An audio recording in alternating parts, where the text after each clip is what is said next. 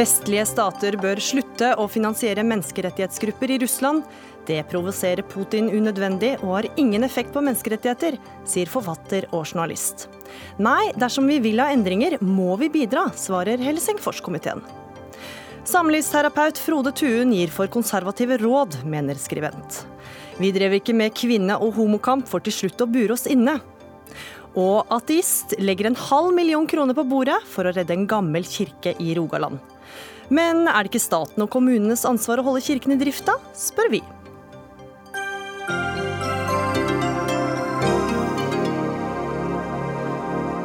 Ja, velkommen til Dagsnytt 18, der vi også skal høre at Europarådet advarer mot høyreekstreme leksikon på nett.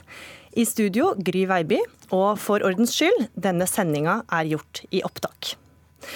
Vi starter med Russland, der ytringsfriheten og menneskerettigheter aldri har stått svakere, ifølge menneskerettighetsorganisasjonen Human Rights Watch. Og I fjor ga Utenriksdepartementet til sammen ca. 24,5 millioner kroner til norske og internasjonale organisasjoners menneskerettighetsarbeid i landet. Og det må vi slutte med, det sier du Øystein Bogen. Du er forfatter og journalist, og har nylig gitt ut boka 'Russlands hemmelige krig mot Vesten'. Hvorfor skal vestlige stater slutte å finansiere menneskerettsgrupper i Russland? Ja, For det første så eh, er det jo ingen, eh, ingenting som tyder på at det har virket noe særlig godt. Eh, ingen, tror jeg, som har fulgt Russland, mener vel at Russland har beveget seg i rett retning når det gjelder demokratiet de siste seks til åtte årene. Tvert imot så kan det kanskje virke som denne støtten da, som har kommet fra veldig mange vestlige land, har gjort situasjonen for disse uavhengige organisasjonene i Russland enda verre, i og med at de har blitt forbudt og forfulgt av myndighetene. Og sist, men ikke minst, så som jeg også skriver i min eh, siste bok, 'Russlands hemmelige krig mot Vesten', så eh, tror jeg at denne aktiviteten, mer eller mindre skjult overføring av penger til slike organisasjoner, har på en måte fremkalt vrede hos de russiske styresmaktene, og at uh, dette kan langt på vei forklare hvorfor Vladimir Putin har startet det enkelte mener i en, en slags hybridkrig mot, uh, mot, vestlige land, der han manipulerer valg, uh, driver med datahacking og andre tiltak for å undergrave våre demokratier. Ja, for du mener det provoserer Putin. Hvorfor gjør det det? Det provoserer, tror jeg, fordi at eh, det viser, eller eh, han har, har i hvert fall en forestilling om at dette her er en undergravingsvirksomhet som ikke har noe med menneskerettigheter å gjøre, kanskje, men som er rettet inn mot å forsøke å endre eh, det russiske regimet, som han jo styrer nå for 18. året på rad. Mm. Utenriksdepartementet hadde ikke anledning til å være med, men det hadde du, Inna Sangadjeva. Du er seniorrådgiver i Helsingforskomiteen. Eh, og dere samarbeider tett med menneskerettighetsgrupper i eh, Russland. Hva syns du om å slutte å finansiere disse gruppene? Eh, nei, jeg syns det er en dårlig idé.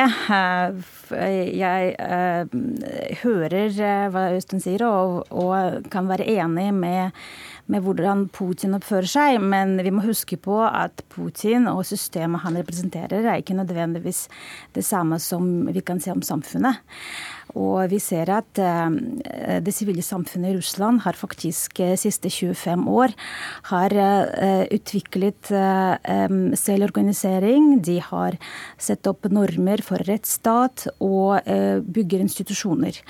Og jeg er fullstendig uenig med å si at dette ikke virket. Absolutt. Reaksjonen som myndigheter viser ved å vedta slike lover som utenlandske agenter eller uønskede organisasjoner, er jo målet er jo, er stoppe hjelpe eh, organisasjoner.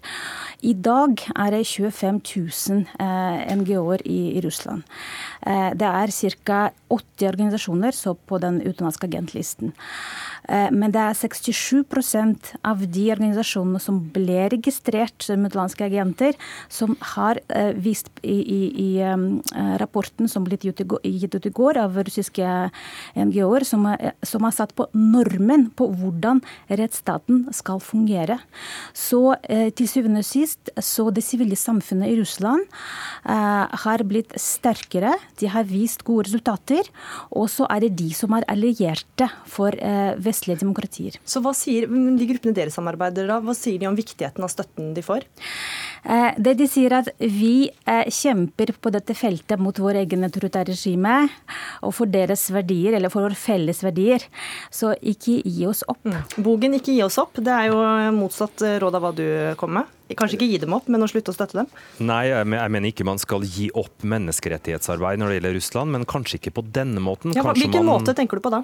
Nei, jeg tenker Man kanskje bør finne andre måter å gjøre dette på. Fordi eh, Gjennom mine 20 år som journalist dekket russiske forhold, så eh, er det veldig mange russere jeg snakker med som later til å ha et veldig vagt bilde av hva demokrati egentlig er, hva menneskerettigheter egentlig er. Eh, og jeg tror mye av dette skyldes det russiske utdannelsessystemet systemet, hvor man også har drevet en målretting, slik at uh, russiske ungdommer ikke helt skal forstå hva et liberalt demokrati uh, innebærer. Og mye av det handler om den propaganda russere blir utsatt for av sine egne statlig styrte medier. Så jeg tenker at et, et alternativ til dette må jo være å prøve å endre holdningene i den oppvoksende generasjon, og f.eks. å bruke disse pengene på utdannelsesstipender i Norge, hvor russiske ungdommer kan studere humanistiske fag, samfunnsvitenskapelige fag, journalistikk politikk steder hvor det russiske utdannelsessystemet tydeligvis kommer til kort. Men vil ikke det kunne opprøre myndighetene i Russland, da? Nei, det tror jeg ikke at dette her er noe som russiske ungdommer kan søke på. Å komme til Norge tror ikke jeg vil bli oppfattet som undergravende, i samme grad som at man, man pøser penger inn i organisasjoner som helt åpenbart eh, er, er uønskede av regimet i Russland. Ja, Sangadjeva, man, pøser, man gir jo penger da, til eh, grupper som myndighetene ikke vil ha. Eh, ja, jeg, jeg ville si at hvorfor ikke begge deler? Altså, jeg er selv eksempel på 90-tallets eh, perestrojka, da jeg også kom som student til Norge for å studere. Um, det andre, altså um, russisk, eller Putins problem, vil jeg si, systemet hans representerer, er, er rettet mot demokratier. Eh, det systemet er redd for, er revolusjoner, og nettopp utviklingen er av demokratiet. Så uansett om man, studer, om, om man inviterer studenter som, som ikke skal eh, på en måte bruke sin kunnskap på Russland, er mot sitt eget mål, vil jeg si. Så eh, jeg vil jo tvert imot oppfordre til å ha mer dialog, mer reiser, mer kontakt. fordi at det også går imot den hovedtilnærmingen som russiske myndigheter myndigheter eh, ville ha. De vil si de vil selv eh, at deres barn skal studere i, i Europa og andre steder. De selv kjøper eiendommer i utlandet, men russisk befolkning skal ikke ha det. Hvorfor det? Bogen, eh, kan man ikke gjøre begge deler, da? Jo, men jeg tror som sagt at eh, dette med å, å aktivt gå inn med penger og stimulere sivilsamfunnet i Russland, det provoserer altså russiske myndigheter mye. Og jeg tror ikke at det, det hjelper, selv om, eh, som vi hører inne her, forteller at, eh, at organisasjonene i noen deler av landet kanskje har, har blomstret over en periode pga. dette, så har ikke holdningene spredt seg til det russiske folk. Tvert imot så viser jo ganske ferske meningsmålinger at til tross for denne innsatsen fra Vesten, så har ikke russere russere flest egentlig mer lyst på demokrati nå enn de hadde for ti år siden. Eh, mange svarer at de heller vil ha et slik type demokrati i anførselstegn som de hadde under Sovjetunionen, enn et vestlig type demokrati. Og Dette tyder jo igjen på at det er en manglende forståelse for hva et demokratisk system kan tilføre de selv og det landet de bor i. Mm. Nei, det er helt fullstendig uenig. Eh, for det første så um, Russland, eh, russiske myndighetene har signert ulike internasjonale avtaler, og Russland er fortsatt medlem av Europarådet. Så de har signert under ulike menneskerettighetsforpliktelser. Det må de følge med. Sivilsamfunnsorganisasjoner det er de som skal sette myndighetene til ansvar, og det er de også deres jobb er, og det er det som myndighetene ikke liker. Men når det gjelder at russiske befolkning er ikke er klar til demokrati altså 42% av russisk befolkning vil ha endring. og Dette er ferske meningsmålinger også, som gjennomførte i desember 2017. Og dessuten, hvis du ser på meningsmålene som har blitt gjennomført på, på, de, eh, på samfunnsspørsmål, dvs. Si altså på kvalitet i livet, så viser disse meningsmålene at russisk befolkning vil ha eh, et normalt rettsstat hvor en, en Eh, forutsigbarhet og institusjoner fungerer. Og igjen, til syvende og sist, det var et spørsmål også om russere vil ha mer til, altså utvikling til Kina eller, eller, til Europa. Så de fleste svarer de vil ha en europeisk utvikling. Så min konklusjon er, er at um, Russland uh, har anledning til å bli et demokratisk stat, og, og eh, samfunnet i Russland er i endring. Ja, Bogen? Jeg er ikke helt sikker på om jeg er så enig i det. Altså, Siste valg nå, Vladimir Putin 76,6% av stemmene. Mer enn under forrige valg for, for, seks år siden. Mm. Det er klart at det har vært eh, manipulasjon og den type ting som kan ha bidratt til flere stemmer. Men veldig mange russere vil jo oppriktig ha Putin som president, fordi at de ikke vet helt hva alternativet kan være. Og der mener jeg da igjen at det finnes bedre måter å fortelle russerne om hva et demokratisk system egentlig er, og hva det innebærer, og, enn å, å, pøse penger inn ja. i frivillige organisasjoner. Og Der er dere uenige, også om, både om virkeligheten og virkemidler. Og det blir garantert mer snakk om menneskerettigheter i Russland når fotball-VM sparkes i gang i juni. Takk til deg, Inna Sangadijeva fra Helsingforskomiteen, og Øystein Bogen, forfatter og journalist.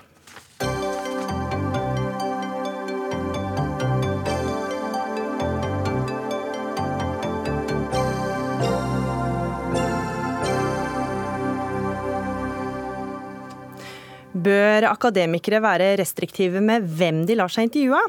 Det ble en debatt etter at professor i biologi Christian Gundersen nylig ble intervjua av det mye debatterte nettstedet Resett om det biologiske grunnlaget for fremmedfrykt. De snakka om menneskesynet i samfunnsvitenskapen, om innvandring, om, om islam og om politisk korrekthet. For det reagerte du på, Tony Berner. Du er professor ved Høgskolen i Sørøst-Norge. Du mener Gundersen bidrar til å legitimere Resett ved å stille opp. Hvorfor er det et problem? Ja, jeg mener at uh, akademikere og ellers hvem som helst bør vurdere hva slags uh, steder de eh, bidrar til å legitimere. Ja, hva slags vurderinger er det de skal legge til grunn da? Resett nå som Beklager det, forsinkelse på linje her. Ja, du henviser til Resett nå som uh, ja, Du henviste Tereset nå som et uh, nettsted. Jeg liker jo å kalle en spade for en spade, for å si det sånn. Og en uh, Resett er en rasistisk uh, blogg. Det har jo kommet på det rene, spesielt i det siste, når de har hetset og truet f.eks. Somaya Jirde Ali til taushet. Vi har eh, med oss Resets redaktør, og vi skal snart høre fra ham. Men først Christian Gundersen, professor i biologi ved Universitetet i Oslo. Hvorfor var det viktig for deg å la deg intervjue av eh, Resett? Fordi jeg eh, syns at Resets lyttere, og noen av dem er sikkert veldig langt ute i høyre, kunne ha godt av å høre det jeg har å si. Jeg er professor offentlig betalt, og jeg syns jeg har en formidlingsplikt til hele Norge. Altså Hvis kong Haakon kunne være kommunistenes konge, så kan vel jeg være Lesets Lystres eh, professor. Men forstår du argumentet om at du da kan bidra til å gi dem legitimitet, eller eh, alternative nettsteder? Jeg, jeg, jeg, jeg, tror ikke det kommer så mye ut av sånn stempling som Tony Børner driver med her. Han må jo dokumentere de påstandene. Nå er det liksom veldig vanskelig debatt, for man blir liksom presset inn i Bare fordi jeg har gitt et intervju der, så blir jeg liksom presset inn i å skulle forsvare nettstedet. Eh, men at, at de f.eks. har truet folk, det får lure, lure å svare på. Dette intervjuet som jeg ga, blir gitt for en god tid tilbake, før, før jul. Men, men jeg ber ikke om unnskyldning for å ha gitt det intervjuet. Jeg synes er Tony Børner, jeg har lyst til å spørre Tony Børner, har du hørt det intervjuet? Børner, du kan få lov til å svare. Eh, ja, det har jeg. Det er ikke innholdet i intervjuet jeg eh, reagerer på. Men du reagerer altså, på at han i det hele tatt stilte opp? Gjør det. Jeg ja, det er nettopp altså, det. Jeg ville aldri gjort det, men han, men han, gjør det, og han får eh, stå for det. Men jeg tenker jo han som en seriøs eh, forsker burde tenke seg to-tre ganger om hva slags eh, steder han eventuelt kan bidra til å legitimere. Og så har jeg lyst til å bare nevne en ting, og det er tittelen på innlegget til Gundersen. Han skriver i Aftenposten 'Ytringsfriheten og venstre, altså Facebook-venstre. Det er disse som han sier stempling sjøl, men han stempler jo da meg og Eivind Tredal som Facebook-venstre. Jeg syns det er merkelig med sånne merkelapper. Ikke, men la oss jeg, jeg snakke om eh, saken, ikke akkurat eh, hvem som er Facebook-venstre, men Tony Berner, altså forskere Nei. har jo et formidlingsansvar. Hvor går grensa for den? Hmm. Jeg er kanskje en av dem som formidler mest på min egen uh, høyskole. Så jeg syns det er veldig viktig å formidle, og Gundersen skal ha takk for det. Uh, han er også veldig flink til å formidle, og vi har en plikt til å gjøre det som forskere. Men hvorfor ikke gjøre det på også steder hvor man ikke er nødvendigvis enig med? Det denne saken handler om, er ytringsfrihet. Og det syns jeg står høyt. Gundersen mener han, hans frihet er knebla, litt sånn som Listhaug. Og det, er, det syns jeg er uh, avsporing. Men, nå, Gundersen skal få svare på det. Nå, nå, nå syns jeg at du, du jukser altså, i argumentasjonen.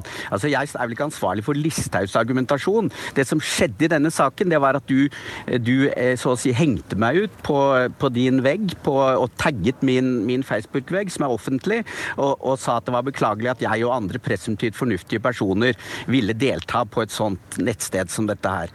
Og så, når jeg da forsvarer meg og linker til intervjuet, så sletter du innlegget. Og for noen dager siden tror jeg også du blokkerte meg fra Facebook. Sånn at du Jeg tror ikke du er noe interessert i å høre, jeg tror ikke du er interessert i å gå i dialog, og det er det som er problemet. Og når jeg bruker ordet Facebook-venstre, så er det selvfølgelig et retorisk grep, men det er jo da mange, sikkert du også vil jeg gjette på, som snakker om Facebook-høyre. Og behandlingen jeg har fått av f.eks. Tredal, han sender, ut, han sender ut en tweet om at jeg er blitt radikalisert, det er et uttrykk man ellers bruker om terrorister, bare fordi jeg har gitt et intervju som ikke du har problemer med, på Resett.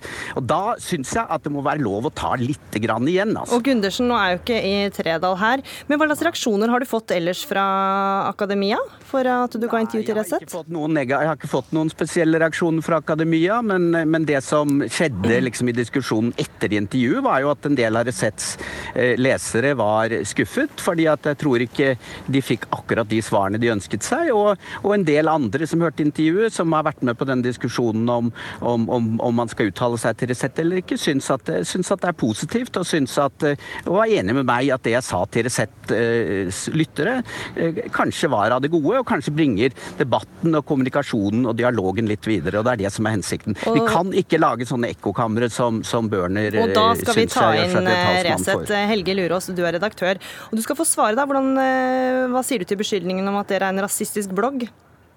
Det, det, står eh, på sin egen urimelighet fullstendig. og eh, Hvis man ser hvem som er involvert, hvem som finansierer det osv., så, videre, så er vi fullt ut en del av det vi egentlig kan kalle etablissementet i Norge. Eh, og, så, så, det er nesten ikke til å ta seriøst engang. Og, og Børner snakker jo om seg selv i samme åndedrag som hvor han nevner også Trædal, og det sier vel litt om på en måte hvor de står. Jeg heter det at, at Børner er professor og, og, forsker, og da burde han sette seg ned og lese litt mer av det som, det som skjer på Resett. Og Lurås, har du fått svare på det, og da skal vi tilbake til saken. Hvilken effekt har det for dere at en akademiker som eh, Gundersen stiller opp? Nei, nå, Gundersen stilte jo opp i en tidlig fase, og det har jo ikke vært sånn at det har vært et, et ras av mennesker i, i etablerte posisjoner som har, eh, som har eh, hva skal jeg si, kommet eller stilt opp. Er det vanskelig å få folk til å stille opp hos dere?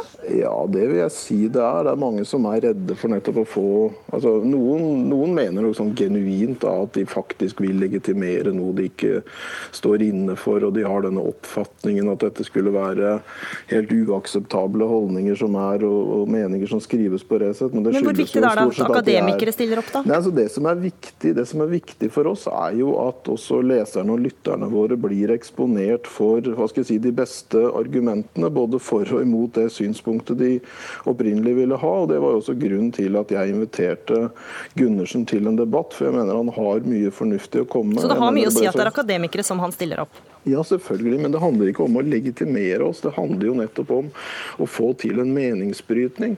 Og også da å, å si, bryte opp i det som er en tendens, og det er at det er ekkokammer. Men det blir jo en selvoppfyllende profeti når da eh, hva skal jeg si, ulike kritikere av Resett beskylder Resett for å være et ekkokammer, og så stiller, nekter de da å stille opp og da skal opp, Og vi høre fra deg, Tony Børner. For at du tar jo da, altså Ved å sile ut og boikotte enkelte debattarenaer, bidrar ikke du da til å polarisere den offentlige debatten? Jeg har ikke tatt til orde for å boikotte. Det er det Gundersen som har tillagt meg mening om. Men du sier jo at han ikke burde stilt opp, eller eh, at han gir det At han legitimerer det? Jeg ville aldri gjort det. Han burde tenkt seg om men jeg vil ikke boikotte Resett. Og jeg vil ikke ha noe lenking til siden på min vegg, og det må jeg bestemme som moderator på egen vegg. Og jeg har ikke sletta deg eh, som venn, eh, Gundersen. Vi skal la den Facebook, akkurat den Facebook-debatten ligge. Men når det gjelder Resett, jeg må bare fortelle jeg bare, ja, men bare fortelle Resett er jo felt av pressens faglige utvalg. De driver også med betalingsjournalistikk, som har kommet frem i den Trine Skei Grande-saken. Altså, det er en meget useriøst sted, og de har eh, skrevet veldig mye forskjellig om, Men, om minoriteter og ja. Men Børner, altså, nå er det jo sånn at Reses redaktør Helge Lurås har jo flere ganger vært her til debatt i Dagsnytt 18. da, Bidrar NRK til å gi ham legitimitet ved å ha ham her? Burde vi ikke ha ham her? Nei, akkurat der er jeg veldig enig med Nei, jeg syns man skal debattere. Eh, men eh, Eivind Tredal er jeg veldig enig med. Da han var i Dagsnytt 18 eh, nylig, så ble det en type sånn De på den siden og dere på den andre siden. Det er ikke to sider vi snakker om. Det er ikke, og det, det mener jeg er litt uriktig fremstilling. Det er et par rasistiske nettsteder som Dokument og Resett. Og så er det andre som tar sterk avstand fra rasisme, og det gjør heldigvis folk flest. Res, så det er ikke sånn to like Helge Lurås, du skal få en siste kommentar. En, ja. Ja, nei, altså jeg, jeg, må bare si Børner kommer bare med helt udokumenterte påstander. Og Jeg syns synd på de studentene hans som er nødt til å bli utsatt for så dårlig forskning på bakgrunn av hva han faktisk uttaler seg om. Det må jeg bare si. Det er bare påstander uten belegg. Og da fikk du siste ord. Eh, takk for at du var med, professor Christian Gundersen ved Universitetet i Oslo, professor Tony Børner og Helge Lurås fra Resett. Vi skal videre, for vi har en gjest til som akkurat kom inn i studio. Eh, studio Katrine Moe Torleifsson. Du er forsker ved Senter for ekstremismeforskning. Hvis vi legger nå Resett eh, til side og løfter blikket litt, hva vet vi om sammenhengen mellom det offentlige ordskiftet og ytterliggående grupper og tendensen til vold? Ja, altså jeg har en kollega, Ramdal, som har eh, forsket på dette og sagt at eh, hvis du lar høyre populistiske krefter slippe til både politisk og i ytringer, så går den høyreekstreme volden ned. Jeg er noe kritisk også til den såkalte trykkokerteorien, at disse holdningene må opp og fram, fordi jeg mener også at det er en sammenheng mellom ord og holdninger og handlinger. Mm. Og Det viser også en del forskning, både historisk sett, men at ofte begynner jo eh, avhumanisering gjennom holdninger. ikke sant? Hvordan du ser på helkategorier av mennesker, eller hvordan du tilskriver eh, ja, kvaliteter til, eh, gjennom skremmebilder. Så hva er rett vei da, ifølge deg? Jeg tror at det er godt med et bredt mediemangfold. Det er ikke det, og jeg tror man kan ha en veldig god debatt om betente tema som integrering og innvandring uten å ty til polariserende skremmebilder. Og det er her jeg tror det er veldig eh, viktig å dra en egen grense. Fordi selv om ytringsfriheten er veldig stor, og du ikke blir felt ved lov, så har du et personlig ansvar for din egne ansvarlige og anstendige eh, retorikk. Men det fungerer jo ikke alltid da på kommentarfelt og sånne ting? Nei, der er det veldig polariserende tendenser. Og de siste årene, jeg har andre kollegaer, Rypskosk og, og Birgitte Hanshus, som har vist at det er en økning i konspirasjonsteorier og rasisme og antidemokratisk tankegods på nett.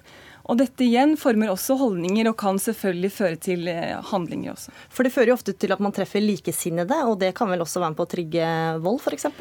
Det er klart at det blir såkalte ekkokamre, men jeg tror det er viktig at meningsmotstandere møtes på, på debattarenaer. Og det er eh, debattarenaer som har god redaksjonell styring, hvor man gjerne kan møtes sånn som i dag og, og diskutere disse temaene. Er det noen klar sammenheng da mellom risikoen for høyreekstrem vold og, og land hvor det er veldig fri ytring?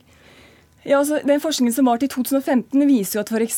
i eh, Norge har det vært eh, mindre hvis du tar bort fra 22.07, har det vært mindre antall eh, hendelser.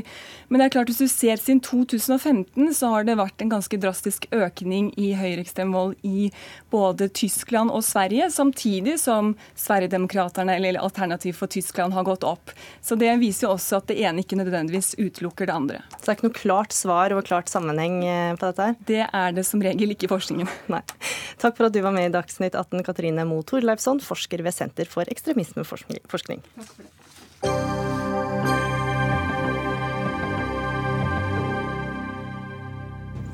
Det har oppstått en uheldig allianse mellom middelklassens samlivsterapeuter og konservative politikere og filosofer når det gjelder sex. De kritiserer dagens umenneskelige seksualmoral og tegner opp grensene for det akseptable for et menneske som ønsker å oppfatte seg selv som godt og sant. Ja, Det kunne vi lese i en kronikk i Morgenbladet forfatta av deg, Hanne Gro Korsvold. Du omtaler disse som nymoralistene, og en av dem er samlivsterapeut Frode Tuen i Aftenposten. Men først, hva er en nymoralist? En nymoralist vil vel være en som tegner opp grenser for hva som er akseptabelt, som, som egentlig går tilbake i tid, vil jeg si. Vi har kanskje hatt en tid hvor man har hatt muligheter til å være seg selv på en annen måte, og at eh, det moralske spillerommet har vært eh, større. Og nå syns jeg vi ser en, eh, en, tendens til noe retrett på det området. De snevrer inn grensene for hva som er greit å gjøre? Ja, absolutt. Og det, det er kanskje litt uh, vanskelig å få øye på sånn uh, egentlig. Men uh, det er en tendens, da, hvis du ser særlig innlegg fra de jeg har nevnt i kronikken min, altså Torbjørn Røe Isaksen, sy, eh, Syse, og også i, eh, hvis man leser uh, samlivsterapeut Tuen sine, uh, sine svar til lesere over tid. Ja, Hva slags svar er det han gir da, som gjør at han er en nymoralist? Nei, altså, Jeg vil jo si Frode, at du er en veldig innflytelsesrik samlivsterapeut. det er veldig mange som leser deg. og det som jeg har lagt merke til, er at hver gang det kommer utradisjonelle spørsmål om utradisjonelle valg, så er du konsekvent ikke åpen for det utradisjonelle. Eh, noen eksempler på det kan være Det har vært flere svar til folk som har spurt om eh, ønsker om å utforske seksuallivet sitt, f.eks. Eh, så er du konsekvent på å vise på måte tilbake inn i et forhold, inn i det kanskje tradisjonelle. Um, og jeg vil også si at heller ikke de single slipper unna det. Uh, Vi skal ta, ta, noen poenger etter hvert. Professor og psykologi og samlivsterapeut Frode Tuen. Ja, Nymoralist, hvordan reagerer du på den merkelappen? Nei, jeg kan ikke si jeg kjenner meg igjen i den, altså. Men hvor bevisst er du da på å gi råd som favner også dem som ikke passer inn i en A4, et A4-liv? Jeg gir jo råd med utgangspunkt i, i, der de som sender inn, står i livet. Og de fleste som sender inn, er jo i en vanlig samlivssituasjon. Altså de lever sammen med en, en annen person av motsatt kjønn. Men jeg har jo hatt innlegg fra folk som lever i likekjønnete parforhold. Og folk som ønsker å eksperimentere, eller som har et litt mer sånn utradisjonelt uh, samlivsmønster. Sånn at, eh, og da får de svar ut fra der de står med sine utfordringer og sine spørsmål til meg. Mm. Ja, eh, jeg ser jo det at eh, det er, veldig, sånn, det er veldig typisk at når man er innenfor establishment selv, så ser man kanskje ikke helt at de svarene man gir også sementerer eh, det establishment man er en del av.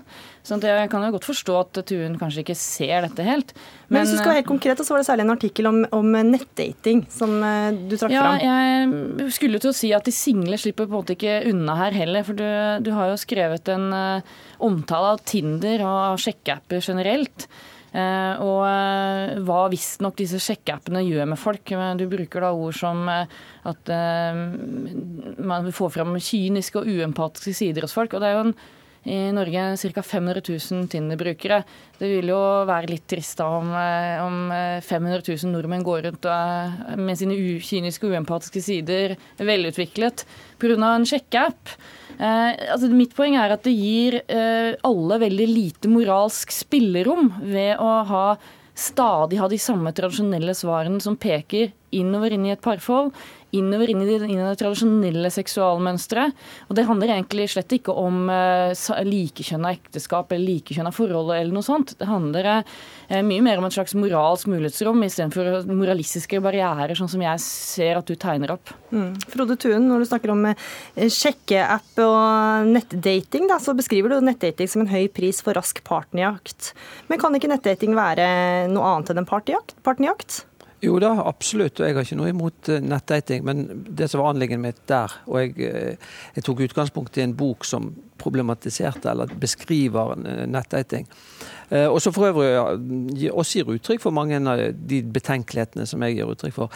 Og, og utgangspunktet der er at at hvis du er på jakt etter en partner, så er kanskje ikke nettdating den Eh, det rette stedet å gå. I hvert fall så må man da være forberedt på å kunne oppleve ganske mange kyniske eh, aktører som ikke er ute etter et eh, fast forhold, men som er bare ute, ute etter en mer eh, forbigående eh, affære. Og Det bygger, bygger jo også på den forskningen som er gjort på dette området. Sånn at Mitt poeng er å, å si at hvis du ønsker å finne en partner og leter etter det, så så er det en stor fare for at du da kan risikere å møte på noen som har andre eh, motiv mm. når de er på eh, Men kanskje det er det så dårlig råd, da, hvis du er ute på jakt etter ja, en partner? Altså, en partner kan jo være så mangt. Der, der ser jeg veldig tydelig det mønsteret du tegner opp. da. En partner det, hva er det for deg? Det virker å være en, eh, en motivasjon, altså en slags moralsk motivasjon om en langvarig forhold, f.eks. For at du kan kalle det en partner hvis det ikke har det. Eh, og det, det er typisk en sånn moralsk eller moralistisk grense som du tegner rundt, rundt både det med seksuelle relasjoner, men også det med partnere. Altså, du kan jo ha en partner over kort tid og ha helt andre intensjoner uten å være verken uempatisk eller kynisk.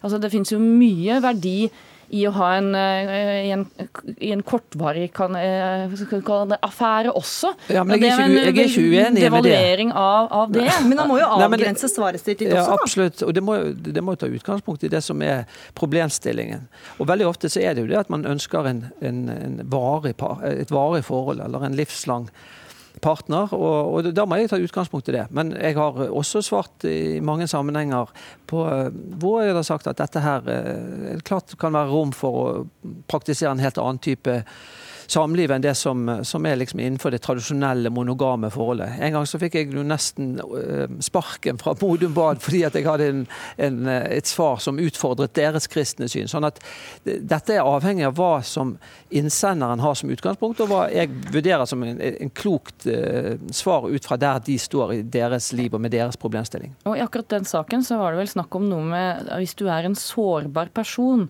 som er ute etter en partner, så bør du ikke være på Tinder, fordi der vil du møte kyniske Eller møte folk som har som uh, viser sine kyniske og uempatiske sider. Der, Men Hva burde han sagt istedenfor da, da? Nei, altså, Jeg syns jo det generelt er et dårlig råd uh, å, å, si at uh, de 500 000 menneskene som er på Tinder, viser sine kyniske og uempatiske ja, sider. Jeg har, jeg, har er... sagt, jeg har, ikke sagt det. Du må ta utgangspunkt i det jeg faktisk ja, har skrevet. Du, du, kan ikke, du, kan ikke, bare lage en historie om hva jeg har skrevet, og så, og så Akkurat det har du skrevet direkte. Nei, jeg har ikke sagt det i det hele tatt. Men vent litt, Korsvold. Fortsett ja. resonnementet ditt. jo, altså de 500 000 menneskene som da Enten du har sagt det eller ikke, men eh, det står ganske direkte i din tekst at Nei, Tinder sjekkeapper får fram de kyniske og uempatiske ja, sidene hos folk. Det, det, er noe helt annet. Men det vil jeg gjerne at du skal begrunne litt, egentlig. Poenget er at det er et sjekkemarked. Jo mer eh, instrumentell sjekkingen er, i selve, i selve, tjenesten, jo lettere er det å få frem de sidene som handler nettopp om sjekking. Men hvis du har som utgangspunkt at du ønsker å treffe en partner som du skal etablere et langvarig forhold til, så er det jo ikke de mer sånn sjekkemessige sidene som er, er det viktige. Da er det jo å finne en partner som man kan trives med i lengden. Og det er jo ikke akkurat det som Tinder og den typen apper legger opp til. For her snakker jo Tuen med forutsetningen om å finne en langvarig partner, og da er vel kanskje ikke sjekkappene alltid best, hvis det er eh, mange som er ute etter eh, raske forhold der, eller korte forhold? Ja, altså, Det er jo det, det, er det jeg reagerer på igjen. da. Altså, Denne liksom forherligelsen av for det første, den intensjonen om et langvarig forhold. Den, den, den, er der også som en sånn slags grunntone i det Tuen svarer på. Og Det tror jeg han har begrunnet med at uh, forskning viser at man har det best i et langvarig monogamt forhold. Men, men, det er en grunntone som også som er veldig tydelig i de svarene. For eksempel, så tror jeg ikke det var en innsender engang i denne saken om, om Tinder. Den var basert på en bok? Ja, den var mm. basert på en bok. Og et, og et råd generelt til folk som er sårbare, om at de da kanskje ikke burde være på Tinder. Men mitt poeng er jo at for det første er det et dårlig råd eh, at man ikke skal være på Tinder fordi man er sårbar. Mm. Eh, jeg vet ikke helt hvor ellers man skal være for å finne noen. Altså, skal man sitte i en bar, eller skal man sitte eh, hjemme på sofaen? Eller hvor skal man liksom være hen for å treffe en langvarig partner? da? og det, jeg syns også den, den, sier noe om hva han, eller hva Tuen da egentlig tenker om de som faktisk bruker Tinder-appen. Eh, og, og hvilke, hva slags intensjoner de skulle ha. Da. For det er jo selvfølgelig mange på Tinder som også ønsker seg både korte og langvarige eh, forhold. sånn at det, det er ikke noe det er ikke noe farligere der enn i en hvilken som helst bar eller hvilken som helst situasjon hvor man generelt utsetter seg for andres blikk, da. Ja, Frode Thun, får du inspirasjon til en ny spalte nå? ja da, det kommer stadig nye spalter, og dette er et tema som sikkert kommer opp igjen. Uh, med utgangspunkt i innlegg, men gjerne også i utgangspunkt i bøker eller andre ting som kommer opp. Mm. Men poenget er jo at at noen arenaer er mer preget av kortsiktige behov enn andre arenaer. og Tinder og disse sjekkeappene er typisk det. Og Hvis du da har som mål å finne en langsiktig partner eller et, et, forhold som skal være langvarig, så er kanskje ikke det rette stedet å, å, å, begynne. Og Det var det som var mitt poeng, og du kan risikere å bli såret. Og en, en slags advarsel eller påpekning om det. At det er et dårlig råd, er jeg helt, absolutt helt uenig om. Ja, Da vil jeg utfordre litt det med kortsiktig behov. For I mine ører, og hvis jeg tar feil, så er det egentlig det beste. For i mine ører høres det ut som at det er en devaluering av disse kortsiktige behovene også, som litt, noe sånn litt stygt og umoralsk. Men hvis jeg tar feil på det, så, så desto bedre. Da skulle jeg veldig ønske at, at det kommer tydelig fram i din, dine generelle svar. Ja, men Da må du lese mine generelle eh, svar. Der det er relevant å, å ta utgangspunkt i en, en, kortvarig affære, og sånt, så har jeg ingenting imot det. Jeg syns det er helt greit at folk har kortvarige affærer. For Korsvold, Hva er det, hva er det overordna eh, langsiktige konsekvensen av rådene Tun gir, da? Nei, altså Det er jo det jeg prøver å si. at det, det moralske mulighetsrommet er veldig begrensa til parforholdet eller singeltilværelsen. Eh, det fins veldig få gråsoner i svarene, syns jeg. Eh, det ligger moralistiske barrierer for eh, hva er innenfor, hva er utenfor. Og det gjør at det er lett, altså mindre lett for folk å finne en plass som det som, Og det er mindre åpnet for å leve et godt liv for flere, mener jeg. Men så skriver jo, han skriver jo i en spalte i Aftenposten, da, som er en stor avis for mange. Og det er vel kanskje mange der som er ute etter en partner, f.eks., eller lever mer tradisjonelt? Ja, og Det er jo ikke noen veien for å leve mer tradisjonelt. Altså, poenget er bare at hvis man aldri åpner i sine svar for muligheten for andre ting, så vil jo det bli en selvforsterkende eh, effekt. ikke sant? Det, altså, hvis du hele tiden får høre, Hvis jeg kan få snakke ferdig. Hvis du hele tiden uh, får disse svarene, så vil du jo selvfølgelig tenke at det er det beste. Og det vil være en da, selv, selv, selvforsterkende. Da fikk vi kanskje nytt innspill til en ny, eh, ny spalte, Frode Thun. Takk for at du var med i Dagsnytt 18, professor i psykologi og samlivsterapeut. Takk også til deg, Hanne Gro Korsvold.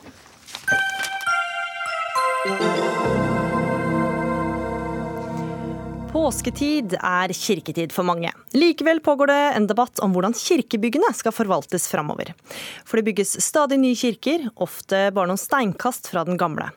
Til tross for at det allerede er 1629 kirker tilknytta Den norske kirke, er det planlagt å bygge ni nye de neste tre årene.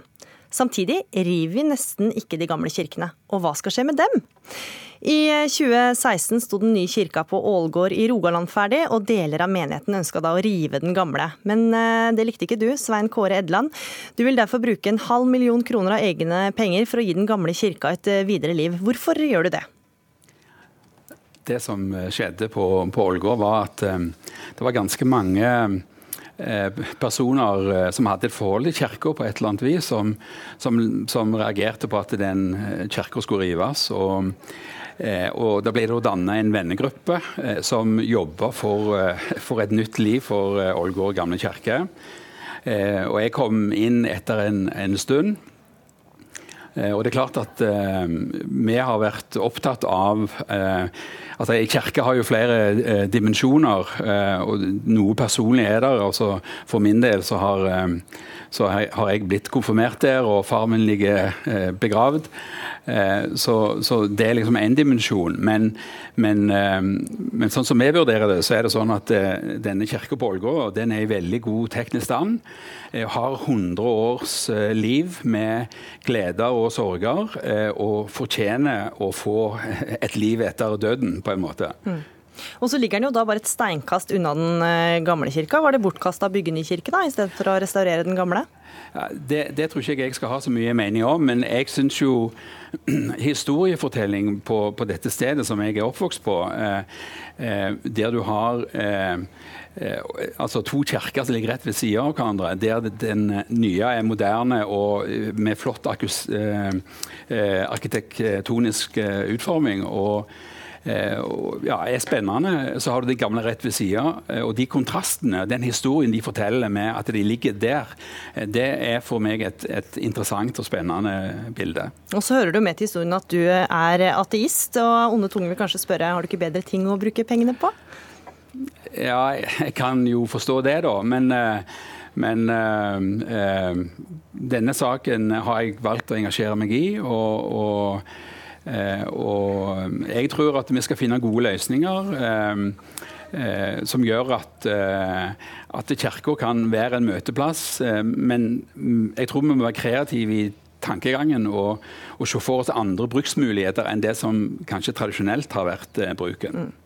Trygve Torgersen, du er kirkeverge i Sola. Aller først, Hva syns du om Edlands engasjement og pengebidrag for kirken på Ålgård?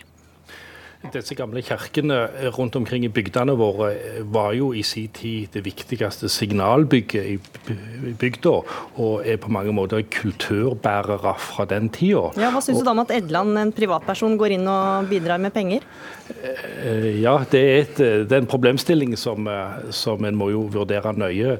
Om det er private som skal gjøre det, eller om det er lokalsamfunnet som lokalsamfunn som skal ta det ansvaret. Og Hva mener du da? Jeg tenker at det var lokalsamfunnet som i sin tid reiste kirkebygget. Det var lokalfellesskapet som ga grunn, som utførte dugnad. Og, og det er en fellesskapsoppgave å avgjøre hvordan skal Eh, forvalte det i framtida. Eh, og eh, det er mange alternative måter der. Håper vi på de kirkebyggene som ikke brukes som kirkebygg lenger. Så det er mye som er verdt å ta vare på fra historien. Men spørsmålet er jo klarer vi å ta vare på alt? Ja, Hvem skulle ta kostnadene da for kirkebygg som ikke er i bruk? Du sier ja, jeg tenker som kirkeverge, eh, som kirkebyggforvalter, at eh, det blir urimelig at den lokale kommunen i alle tilfeller må bære det ansvaret. Eh, fordi når det ligger 10-12 milliarder i vedlikeholdsetterslep på norske kirker i dette landet, så er det formidabelt. Og det kan knekke fullstendig mange lokale fellesråd og kommuner. Så en må, vi trenger en debatt som dette til å spørre hva skal vi ta vare på? Skal vi ha 200 Lindstoff-kirker eh, som museer, museumer, eller skal vi ha 20 som vi tar godt vare på? Vi har vært i kontakt med Kulturdepartementet, som ikke hadde mulighet til å stille, men de skriver til oss at de i den nye loven om trossamfunn, som eh, også skal gjelde for Den norske kirke, også ser finansiering og forvaltning av kirkebygg. Og de skriver spørsmålet om eventuelle statlige bidrag til vedlikehold av kirkebyggene må ses i sammenheng med dette lovarbeidet. Og vi kan ikke si nå noe om utfallet av denne lovsaken. Derfor kaster vi ballen over til deg, Helge Eide, du er direktør i eh, KS. Hva er kommunenes ansvar her? Kommunene har jo ansvaret for finansieringen av eh, kirkelig fellesråd i dag. Eh, det vil si både eh, menighetsarbeidet og også vedlikeholdet av kirkene. Så det brukes jo vel 700 millioner kroner hvert år i kommunesektoren i dag på vedlikehold og på investeringer i kirkebygg. Så det er et stort etterslep, da, og dette kan kommunene ta? Eh, etterslepet er som Torgersen sier her beregnet til ca. 10-12 eh, milliarder kroner. Eh, og Det er jo ikke det eneste etterslepet som vi kjenner til innenfor offentlig sektor i dag. Vi har jo et etterslep f.eks. på fylkesveier på 50-60 milliarder kroner, og det er snakket om etterslep på vann og avløp på 200 milliarder. Så det, det er mange store, tunge vedlikeholdsutfordringer som, som Men hva er kommunens ansvar da, når det gjelder kirkene? Kommunen har et ansvar for å sørge for at kirkebyggene er i stand til å tjene det formål som, eh, som de har sagt, eh, og, og, og, bevilge tilstrekkelig penger til det. Men det er jo også slik at kommunen kommunene har jo et ansvar for totalbudsjettet, og at det skal eh, dekke alle de gode formålene som kommunene er ivaretatt. Så dette skal settes opp eh, sammen med bevilgninger til å vedlikeholde idrettsanlegg, til kulturbygg og mye annet. Det skal settes opp med flere forskjellige bevilgninger. Men hva etterlyser du fra staten her? Jeg tror vi må snakke noe spesielt om de verneverdige kirkebyggene.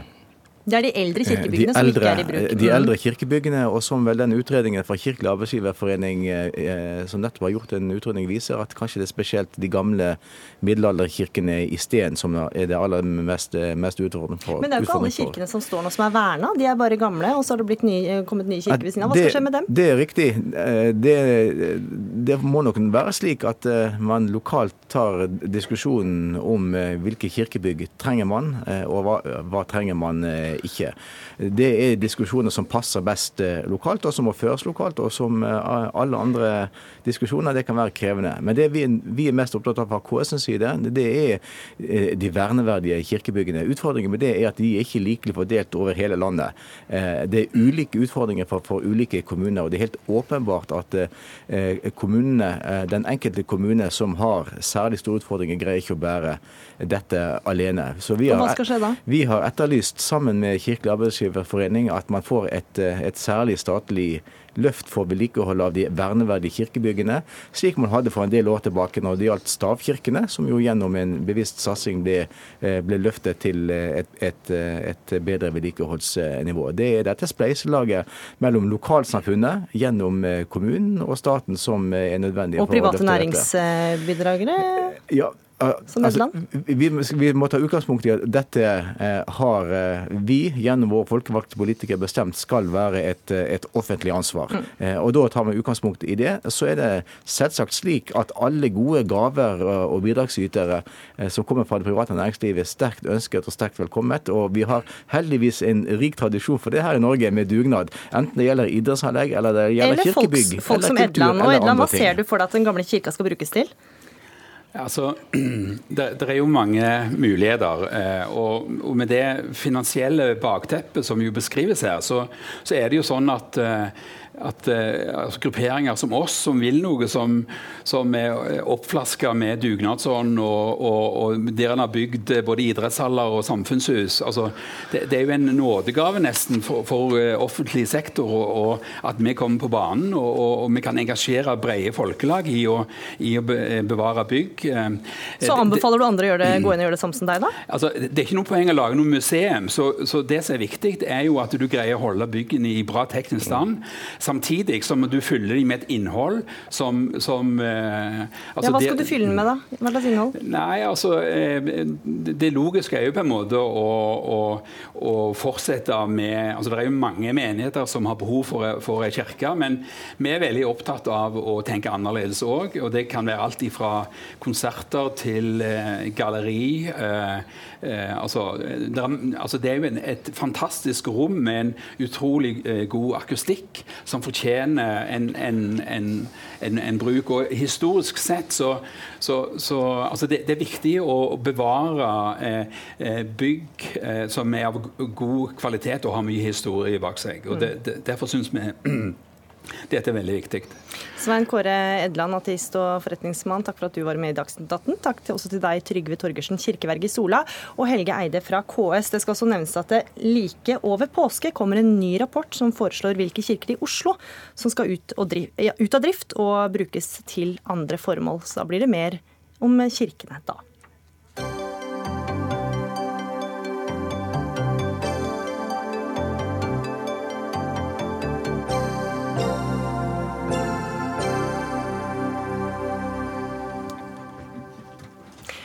Hvor sikker er du på at det du leser på nettet er fra en troverdig kilde? Eller at artikkelen en venn deler på Facebook faktisk er sann? I en ny rapport fra Europaparlamentet ropes det varsko om alternative nettsider som ser ut som leksikon, men som i virkeligheten er høyreekstreme. Og Erik Bolstad, du er sjefredaktør i Store norske leksikon. Hva kjennetegner disse høyreekstreme leksikonene? Jeg var, jeg var i Brussel for tre uker siden. Jeg inviterte EU-parlamentet fordi de ja, kåra oss til noen slags europamestere i, i leksikon. Det var egentlig ja, fryktelig hyggelig. Det de er bekymra for, er en god del nettsider som driver og vokser fram, som ligner på f.eks. Wikipedia eller en del andre kvalitetssikra eller ikke kvalitetssikra kunnskapskilder. Og hva Men der de, innholdet er skrevet av nazister eller høyreekstremister. Altså, ja, det eksempelet som har vært oppe i debatten de siste dagene, er Metapedia, som er starta av svenske nynazister. Og som har artikler som ser ut som de er helt ordentlige. Og du må liksom begynne å lete ganske grundig før du begynner å se hvor skrudd en del av innholdet er. da. For de har virkelighetsbeskrivelser der jødene kontrollerer verden der det fins en stor konspirasjon for å overta all makt. Um, ja, og lignende. For du mener at disse høyreekstreme leksikonene kan utgjøre en fare for troverdigheten til f.eks. Wikipedia. På hvilken måte kan de det? Så hvis du googler en del uh, begreper, um, f.eks. kulturmarxisme, som er et av de ordene som Anders Behring Breivik brukte, så får du opp altså så mye uh, gugg fra det nederste, dypeste, mørkeste, vondeste internettet. Um, og når hvis du er litt uforvarende og litt uforsiktig når du klikker på en del av dette, så kommer du inn på f.eks. Metapedia, som ser helt sånn til forveksling likt ut som Wikipedia. Og det er jo ikke Wikipedias skyld. Det er, det er ingenting med hverandre å gjøre. som prøver å kopiere. Um, men så skal man, når innholdet også ser ganske sånn leksikonaktig ut, så er det vanskelig å, å forstå forskjellen. Men hvordan kan det påvirke troverdigheten til Wikipedia, da? Jeg, jeg, er ikke bekymra for troverdigheten til, til uh, Wikipedia. Men Wikipedia står for slik jeg forstår deg, er det sånn at Du mener at disse da kan lære seg å skrive Wikipedia-artikler, og mm. på den måten være med å påvirke innholdet? Ja. Metapedia har 14 språkutgaver. Den største er den ungarske med 148 000 artikler. Det er mange tusen mennesker sånn at øving å skrive sånn leksikonaktige tekster. Og, men med et helt forvridd perspektiv. Der man f.eks. kobler Russlands økonomiske problemer til hvor mange jøder som bor i, i Russland, som ikke er en sammenheng. Mm. Mm. Astrid Karlsen, du er daglig leder i Wikimedia Norge, som er en frivillig organisasjon som støtter opp om de ulike Wikimedia-prosjektene, som Wikipedia. Frykter dere at høyreekstreme skal gå inn og redigere artikler hos dere, og på den måten dreie virkeligheten? Um, nei. Hvorfor ikke? Eh, da kan, godt mulig at det kan komme til å skje.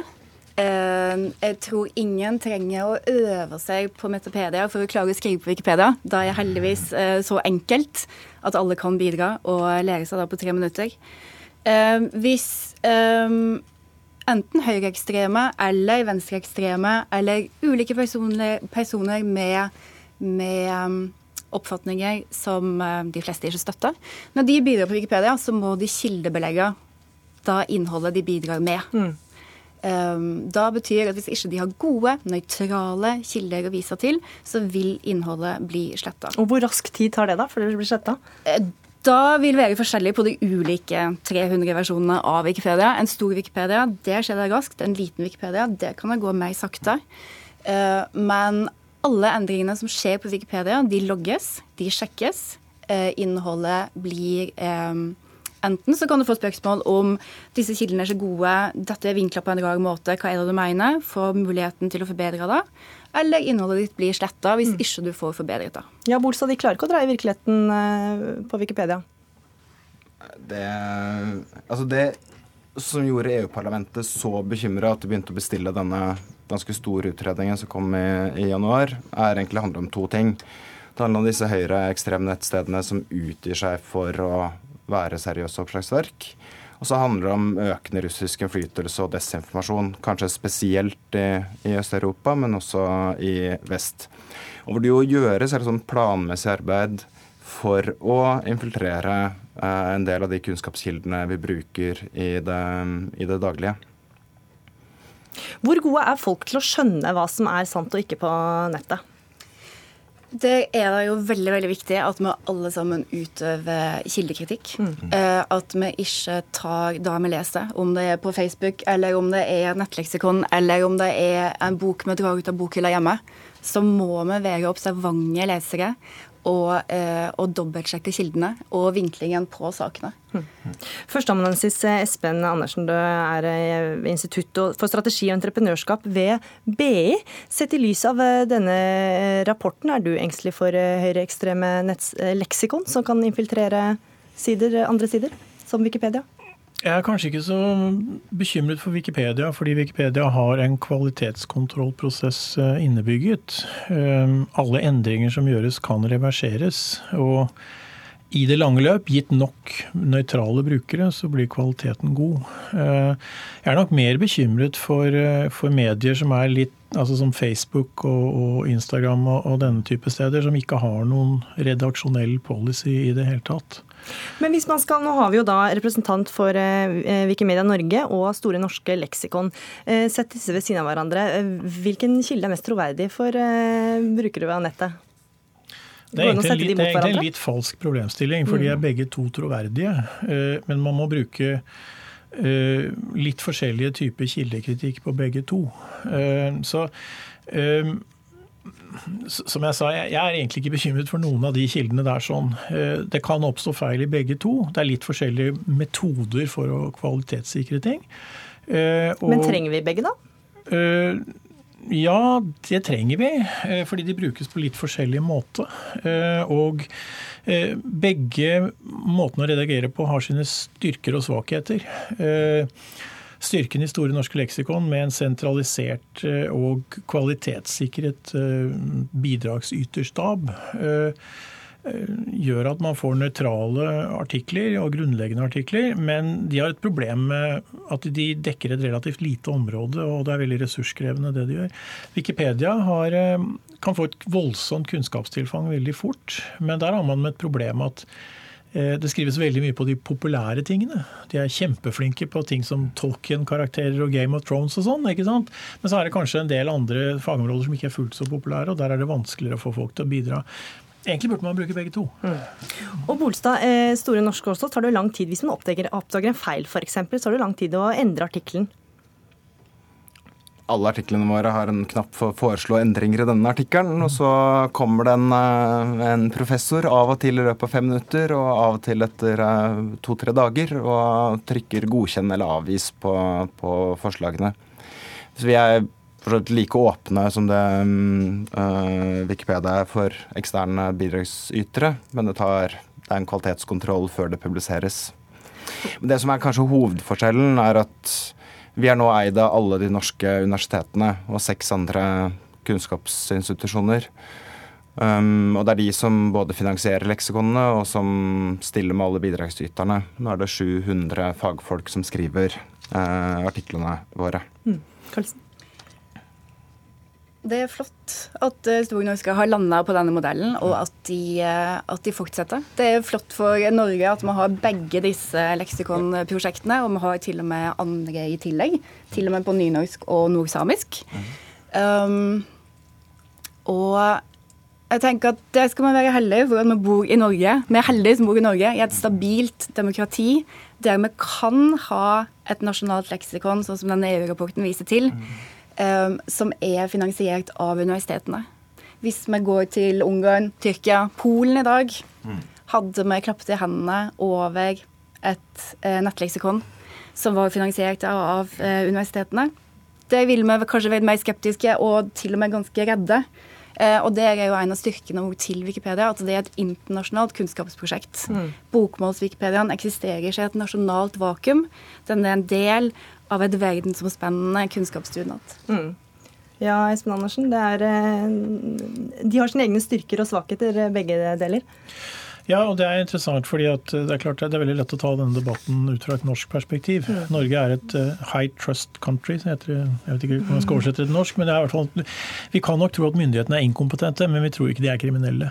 Um, og, og, dermed så fungerer den store norske leksikon aldeles utmerket i Norge. Mm. Det er helt klart at hvis du går til Russland f.eks., så vil du stolt betraktelig mindre på det. Og da har vi, Men altså, dette er faktisk ganske interessant, fordi at det er i mange andre situasjoner hvor du trenger å stole på noen ting, så utvikles det nå desentrale modeller. F.eks. en teknologi som kalles blockchain. Er på mange måter en slags Wikipedia eh, for transaksjoner og offisielle dokumenter og, og sånne ting. Eh, og det er, jeg tror denne debatten egentlig ikke er så interessant i Norge. Eh, for er, her, her, har vi på mange måter et, et, et, Vi verdsetter kunnskap, og ting skal være nøytrale, og sånn ser det ut. Det ser helt annerledes ut i resten av verden, og der er også Wikipedia et veldig mye viktigere prosjekt. Mm. Takk for at dere var med i eh, Dagsnytt 18. Astrid Karlsen fra Wikimedia Norge, Erik Bolstad, sjefredaktør i Store norske leksikon, og Espen Andersen, BI-professor. Og så kan vi uansett være enige om at det lønner seg å være kildekritisk på nettet. Dagsnytt 18 er over for denne gang. Ansvarlig for sendinga var Arnhild Myklebust. Teknisk ansvarlig var Finn Lie, og i studio satt Gry Veiby, som ønsker god påske.